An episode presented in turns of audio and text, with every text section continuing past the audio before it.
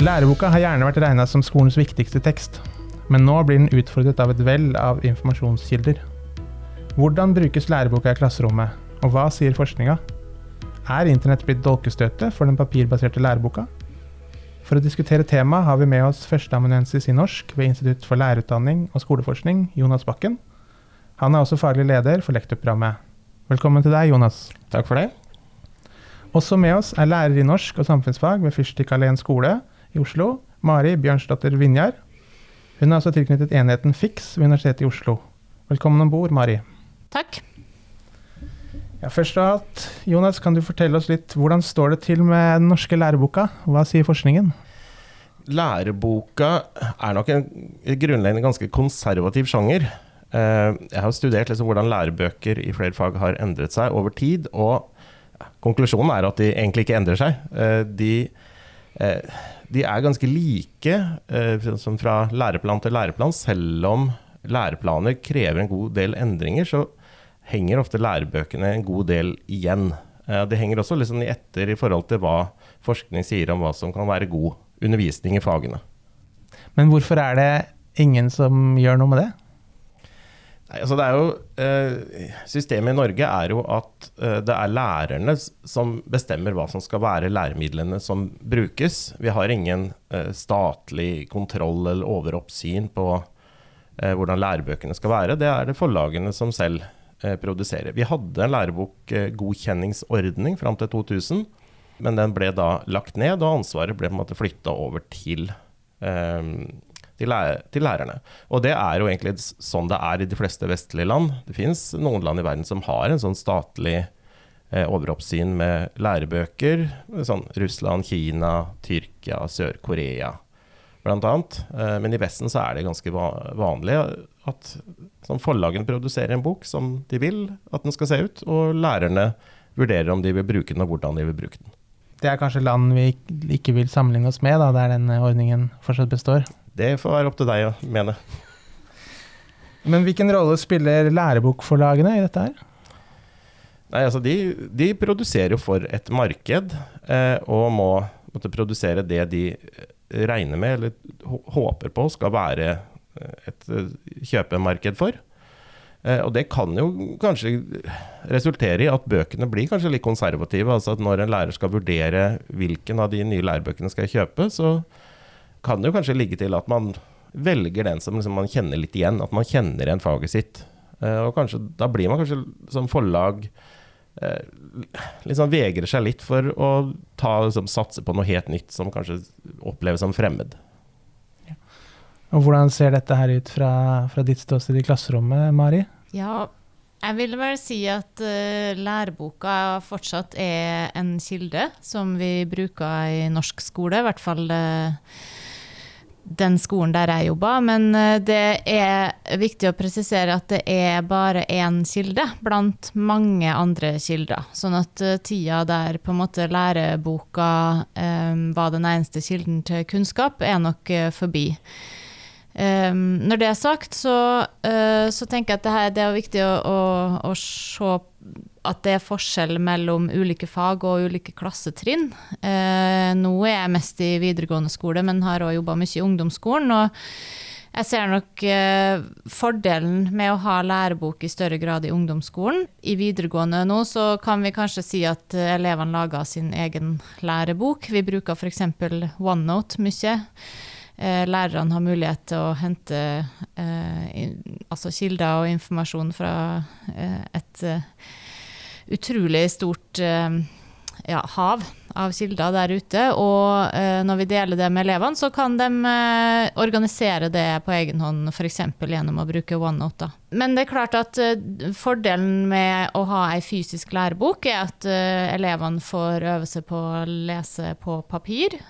de er utrolig mye av undervisninga i dag, så sitter elevene foran en skjerm. Og det å lese på skjerm er noe helt annet enn å lese på papir. Eh, det er i mye større grad eh, forstyrrelser knytta til både læringsplattformer som vi bruker, kommunikasjonsmuligheter, eh, Fifa, VG, altså. Ja, du vet vel sikkert hvordan det er sjøl. Et vell av distraksjoner, ja. ja. Altså, hva er forskjellen da, på en fysisk lærebok og en digital lærebok eller en digital ressurs?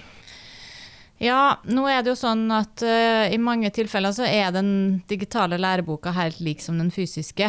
Uh, I hvert fall i de løsningene som vi bruker på min skole, så er, er den digitale lære, læreboka rett og slett bare en uh, PDF-fil som ser helt likedan ut som den fysiske læreboka. Og det kan jo være en ulempe, på en måte, eller digitale medium gir andre muligheter enn fysiske gjør. sånn at eh, på en måte er det ikke noen grunn til at den digitale læreboka skal være helt lik den fysiske. sånn sett da. Men det er klart at eh, noe av det som Jonas eh, sa i stad, knytta til det med å kjenne igjen eh, det du møter av tekst, eh, kan være, det kan jo være en fordel med å gjøre det på den måten. Men det, når, når jeg henta inn andre kilder enn læreboka, så kan jeg jo finne en fagartikkel f.eks. som er laga til, til, et type Word-dokument som jeg limer inn i, i, OneNote. Vi kan linke til artikler på f.eks. NDLA, Norsk digital læringsarena, som de går inn og leser der. Det kan jo være videoklipp, det kan være podkaster. Ja, uendelige muligheter, egentlig. Jeg skjønner. Jonas, kan du fortell oss, Er det noe typisk bruk av, eh, av, læreboka? For det vi hører her nå, er jo at det, er, det høres ut som det er mye variasjon da, i hvordan, hvordan, læreren bruker ulike læringsressurser. Ja, du kan jo si at det, det typiske er vel at det ikke finnes noe uh, typisk. Altså I en studie som jeg har vært med på, der vi så på hvordan, blant annet hvordan lærere bruker lærebok og ulike kilder i undervisningen på ungdomstrinnet, så så vi i nesten alle tilfeller, nesten alle timer vi så på, eh, så tar læreren og kombinerer mange ulike informasjonskilder for å bruke i undervisningen. Det kan være en YouTube-video, det kan være eh, en avisartikkel, en artikkel fra et forskningstidsskrift, det kan være nettleksikon, og det kan være et utdrag fra læreboka. Og så setter da læreren sammen disse her på en måte sånn at det dekker det temaet så godt som eh, det kan for det behovet eleven har i den timen. Eh, og det varierer sant, fra time til time hvilke kilder så, og hvordan det kombineres. Og ikke i noen av de timene vi eh, observerte, så var det på en måte læreboka som var den dominerende. Det var en ressurs som læreren kunne plukke og hente ting fra eh, ved behov. Jeg skjønner, Så eh, lærerne er altså designere av egne undervisningsopplegg, da? Ja, definitivt. Eh, og sånn, den eh, endringen som ble gjort med Eh, da man la ned godkjenningsordningen for lærebøker, det var at man skulle gi tiltro til læreren. Og forskning om hvordan lærere bruker eh, lærebøker, viser at de var liksom den tilliten verdig. Altså de klarer å ha en kritisk distanse til læreboka. De supplerer den med nye kilder hvis den er utdatert. Og de trekker inn andre informasjonskilder for å skape liksom, spenning og variasjon og nyanser i, i framstillingen. Eh, så dette er norske lærere veldig gode til. Det høres likevel ut som det er mye ansvar da, på lærernes skuldre. Hva, hva, mener du om det, Mari? Ja, vi har uh, mye ansvar for mye, vi som er lærere i Norge og i verden nå. Men uh, jeg syns det er veldig fint at Jonas sier at forskninga viser at lærerne kan ta det ansvaret, for det er jeg helt enig med han i. At det syns jeg vi får til ganske bra. Og i de nye læreplanene nå så er jo det her med kildekritikk, det å finne kilder, bruke kilder, være kritisk til kilder, er jo helt sentrale mål i de aller fleste fag. Sånn at det må vi jo uansett jobbe med elevene for å lære dem. Eh, og det at vi lærere da har et bevisst forhold til hvordan vi bruker ulike typer kilder, det, det tror jeg er helt nødvendig. Uh, og så er det jo sånn at uh, læreboka Det koster mye penger å kjøpe inn en lærebok for en skole. Sånn at det å kjøpe inn en lærebok uh, fysisk, og så er den mulig, ikke hele, men deler av en utdatert etter få år, det betyr jo da at da, da kan ikke skolen bare kjøpe inn nye lærebøker eller reviderte utgaver når den gamle læreboka er utdatert. Fordelen med å ha digitale lisenser er at da kan du få den reviderte utgava uh, uten å betale noe mer enn du gjør uh, allerede for den lisensen. Men, uh, men, ulempen med det som sagt, er jo at jeg ser at elevene har behov for å lese på papir noen ganger innimellom. og at det å ha en fysisk lærebok på den måten er en fordel. da.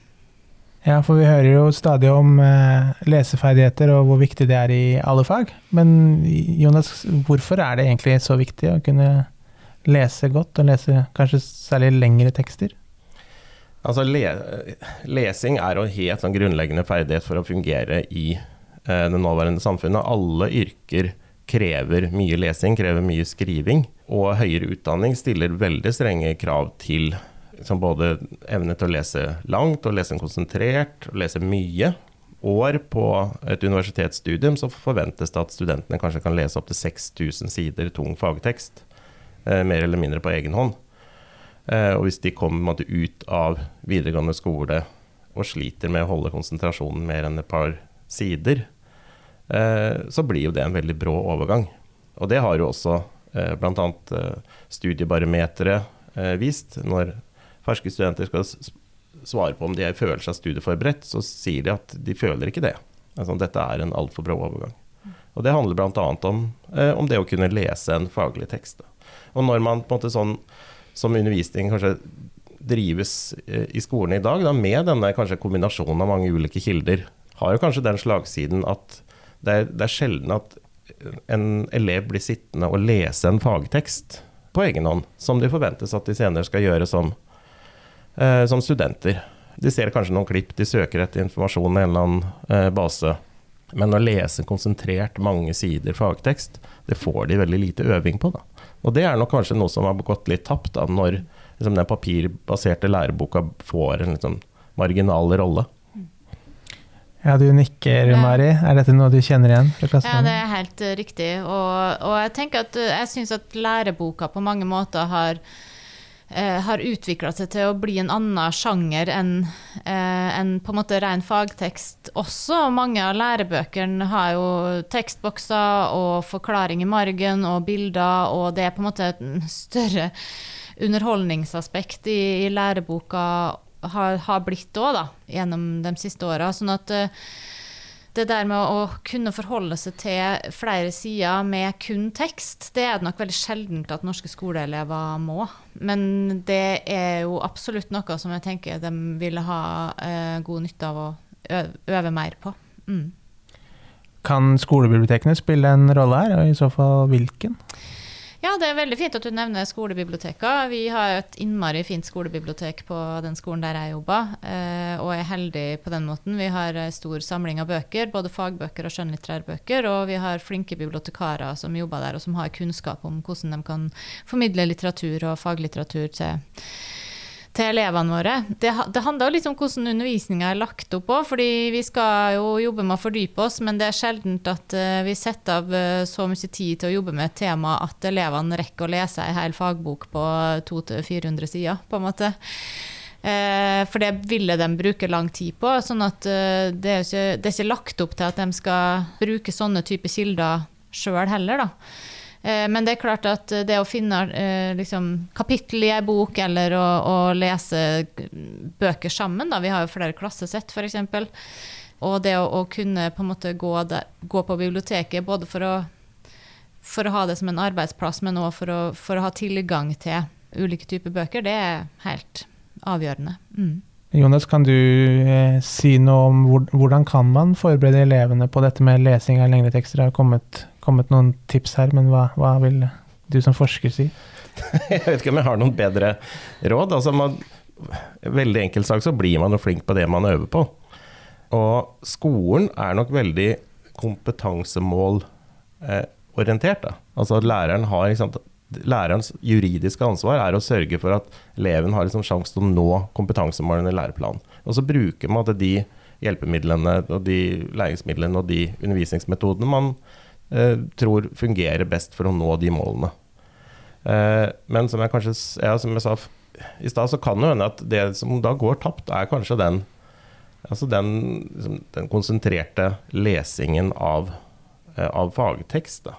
Fordi det kanskje ikke er den e- mest effektive veien til å nå kompetansemålet. Mm.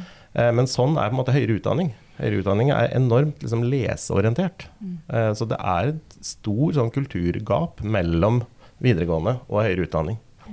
Hvem, hvem, som eventuelt må justere seg, er en stor, stor debatt. Eh, for, for, Før så var også skolen mer som høyere utdanning. Den var lærebokorientert. Det var læreboka som egentlig var læreplanen. Det var den som sa hva du skal kunne. og så Kan du læreboka, så kan du faget. Ja. Men sånn er det på en måte ikke lenger. Eh, Nå er det kompetansemålene i læreplanen som styrer det. eh, Og lærerne må på en måte hjelpe elevene dit. Og hvis veien dit ikke er nødvendigvis å sitte og lese en fagbok, så får jo den en redusert rolle. Ja, jeg synes, også syns jeg det er litt viktig å si her at det er jo ikke alle som skal ta høyere utdanning. Det er ganske mange som går i norsk skole som ikke skal ta høyere utdanning. Eh, og spesielt gjelder jo det barne- og ungdomstrinnet, og så på videregående blir det jo mer spesialisert. Sånn at eh, dem som har valgt studiespesialiserende retning på videregående, da er jo tanken at de skal ta høyere utdanning, selvfølgelig. Eh, men vi har jo mange som tar, velger yrkesfag, eh, og som ikke skal ta høyere utdanning nødvendigvis. Eh, men allikevel tenker jeg at det der med å liksom ha evnen til å konsentrere seg om tekst litt lenger enn et halvt minutt, er jo en, eh, en ferdighet som, eh, som mange kan ha glede av, sjøl om du ikke skal ta høyere utdanning. Da. Et viktig element her er at eh, kunnskap og informasjon eh, blir utvikla og delt veldig fort i dagens samfunn. Eh, og derfor så endrer på en måte konteksten seg da, eh, veldig fort for vi, eh, ja, det vi skal jobbe med i skolen.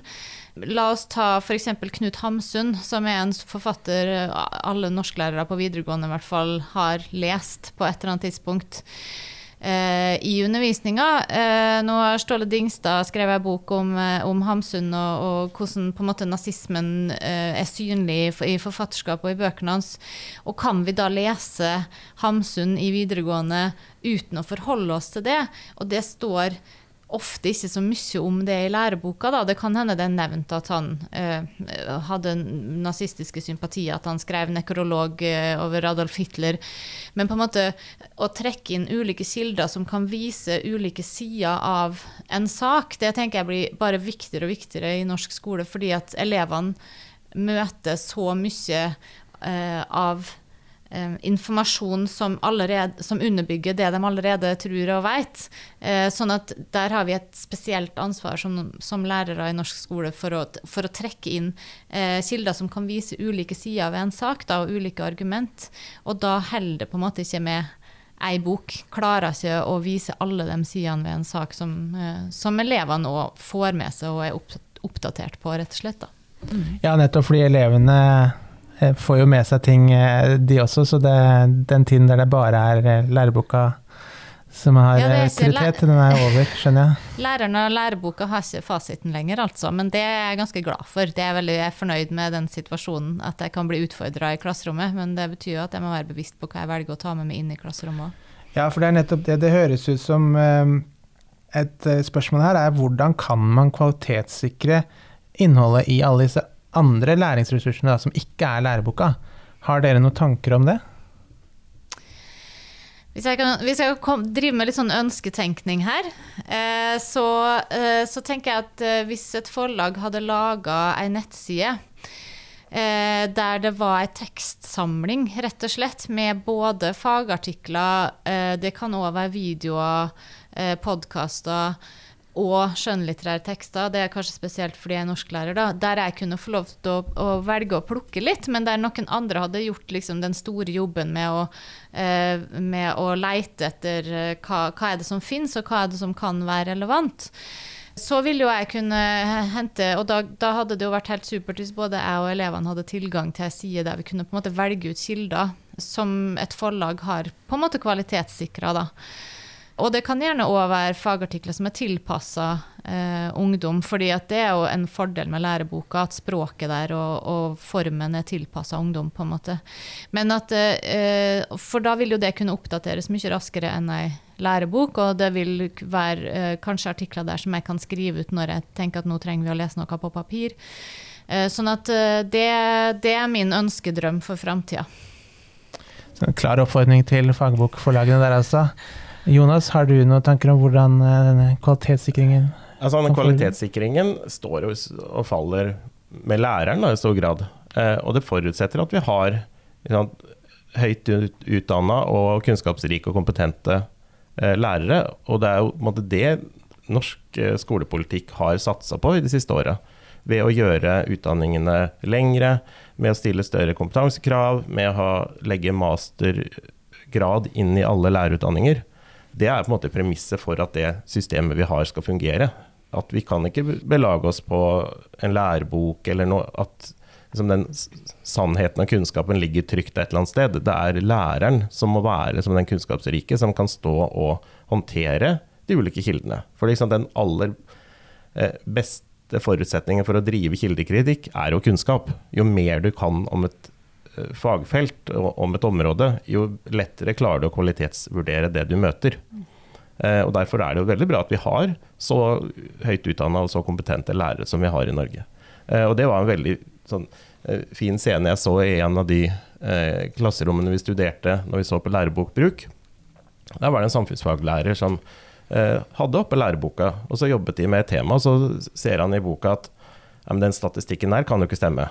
Gå inn på Statistisk sentralbyrå sjekk hvordan det er i dag. For dette er tre år siden, det har helt sikkert endret seg. Altså han, han, er i stand til å ta sånne vurderinger liksom, på sparket når man oppdager ting i læreboka som skurrer, eller oppdager ting i andre kilder. Ja, Læreboka har definitivt fått uh, konkurranse som må være den viktigste teksten i skolen. Um, men kan vi nå da si at uh, læreboka er død, og i så fall bør den gjenopplives? Uh, læreboka som institusjon for fasitsvar og sannhet er død, ja. Og jeg syns ikke den bør gjenopplives derifra, nei. Nei, Den er nok ikke død, men den ligger vel på sotteseng, eller hva man skal si. Eh, og den har jo fått en mer marginal rolle, eh, av mange eh, årsaker.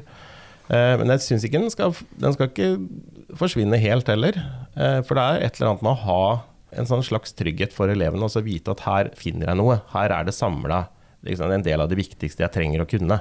Sånn at ikke alt forvitrer, alt blir fragmenter som ligger 20 forskjellige steder. Og også en styrke for foreldre også. Ha et, annet, ja, et, sted der de kan sjekke et tema som eleven jobber med, og lettere å følge med på hva som skjer i undervisningen. Eh, når man har den læreboka kontra eh, 40 forskjellige kilder som de har vært innom i løpet av en dag på skolen. Det, den er vanskelig å formidle da, til, liksom, til eh, hjemmene. Mm. Tusen takk for at dere kom hit og delte kunnskap og erfaringer med våre lyttere om statusen for læreboka i norsk skole. Du har hørt en episode av Det utdanningsvitenskapelige fakultets podkast Læring. Research var ved Magnus Heie og Sandra Rebekka Nilsen. Produsent var Stefan Strømnes. Læring finner du på nettsida vår og Facebook-siden vår, og der du lytter til podkast. Mitt navn er Magnus Heie. Takk for nå.